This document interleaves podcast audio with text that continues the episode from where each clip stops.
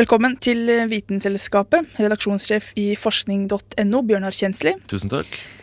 Det blir jo også i matveien gjerne sagt at noen har bedre smak enn andre. Mer raffinert, hevder kanskje de mest oppblåste av oss. Men med din innsikt i forskerverden, kan man egentlig komme fram til en objektiv definisjon av hva som smaker godt? Det viser seg å være veldig vanskelig, egentlig. Nå har eh, forskere holdt på med dette med smak og lukt lenge, og det viser seg at det er mye mer komplisert enn det, man, eh, det, det kanskje høres ut som. Eh, det viser seg nemlig at det er sånn at eh, mennesker kan ha ulik smak. Det kan hende vi smaker forskjellig alle sammen. Og det er fordi det kommer an på flere hundretalls gener inni i cellene våre. Og noen av disse genene er på, og noen av de er av, på en måte, inni, inni, alle mennesker. Og det er så mange kombinasjoner at det kan hende at vi, som jeg sa, smaker forskjellig alle sammen. Alle i hele verden? Det kan godt hende, ja.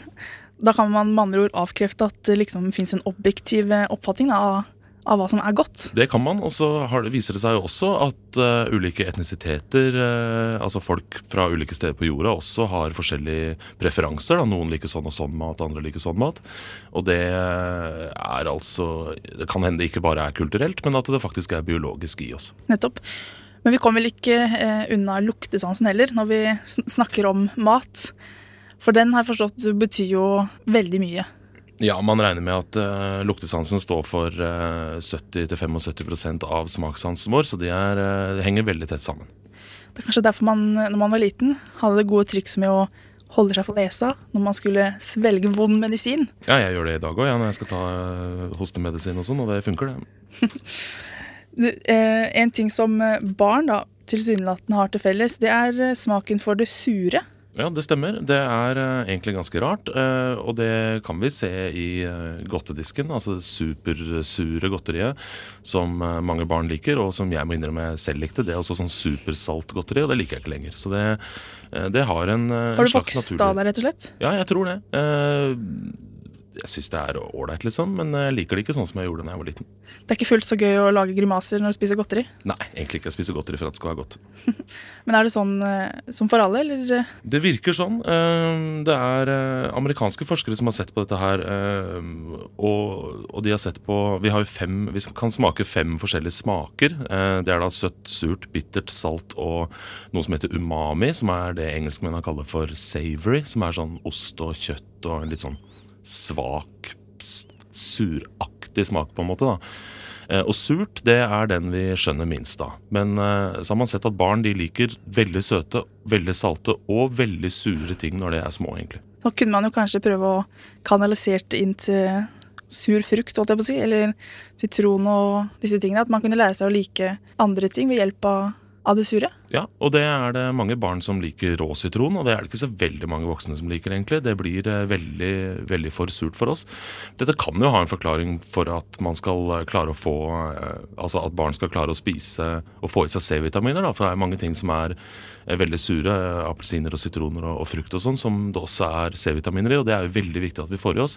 Så det kan være en sånn, en sånn iboende mekanisme i oss at, det, at vi skal passe på det. Så kan det jo også være sånn at det er jo en fordel om barn liker ting som voksne ikke liker. Så kan man rett og slett spise litt forskjellige ting, og så får unga alltid mat, de også. Naturens egen måte å ordne opp på, sånn i tilfelle de voksne ikke har lyst til å dele med seg.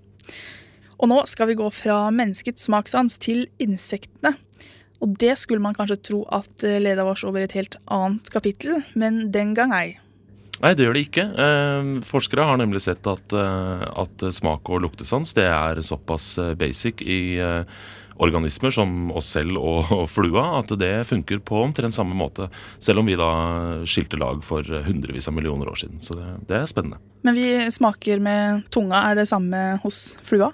Flua smaker faktisk med hele kroppen. Så det er sånn at uh, den har da smaksceller uh, over hele kroppen. Så hvis flua da uh, lander oppe på syltetøyet ditt, så kan flua smake med føttene at her er det noe søtt, og da stikker den ned den derre snabelen sin automatisk ned i, eh, i, syltetøyet og suger opp. Jeg vet ikke om jeg skal prøve å forestille meg åssen det hadde vært hvis jeg hadde smakt med beina mine. Det Når jeg går liksom gatelangs og på sneiper osv. Men eh, det er ikke sånn at den spiser med beina. Nei da, den bare smaker. Eh, og så har den også eh, egentlig en litt bedre smakssans enn det vi har. Da, for den kan jo da smake hvor den smaker også. Sånn at den skal vite hvor den skal styre den der snabelen sin. Så den trenger liksom ikke å konsentrere seg så mye om det. Den vet da f.eks. at eh, hvis det er noe surt eller bittert på, på venstrefoten og noe søtt på høyrefoten, så styrer den snabelen rett ned mot høyrefoten. For det bitre ting, det liker den ikke. Det blir nesten som en, ja, en forsvarsmekanisme. Ja, rett og slett. Og det er uh, sikkert praktisk, for flua er uh, såpass liten, og den må være ganske kjapp for å ikke bli spist og drept av andre ting i naturen. Så når den først lander på et eller annet som er fristende, så er det bare å styre snabelen rett ned og, og spise dem med. Eh, et annet uh, insekt som også si, som kan smake, er en, en, en svermer. Nattsvermer, ja. Egentlig så er eh, Det høres kanskje rart ut, men, eh, men insekter og mennesker er veldig like i, i hjernen på hvordan, eh, hvordan smak og, og lukt henger sammen. Og da er nattsvermerne også ganske lik som oss mennesker. Jeg syns det er så rart at man, at man kan finne ut av, av, dette her. Ok, på mennesker så skjønner jeg det, fordi hjernen er jo såpass stor. Men på insekter ja, det er veldig små hjerner, men man bruker jo mikroskoper, da. Og man bruker, øh, gjør egentlig det samme som man gjør med mennesker når man skal ta røntgen og sjekke hva som foregår inni kroppene våre. Man sprøyter inn kontrastvæske med ulike farger, og så ser man på steder i hjernen hvordan, øh, hvordan ting fungerer. Og så har man da prøvd på nattsverme f.eks. å gi den da sukker, og så ser man øh, hvilke områder i hjernen det er som da lyser opp eller, eller, det er aktivitet i. Og så gir man den en annen smak, og så kan man se Det var et annet område i hjernen. ikke sant? Så sånn kan man da identifisere at, at nattsvermeren eh, har forskjellige typer smaker. De blir akkurat som oss mennesker, med andre ord. Takk for besøket, Bjørnar Kjensli fra forskning.no.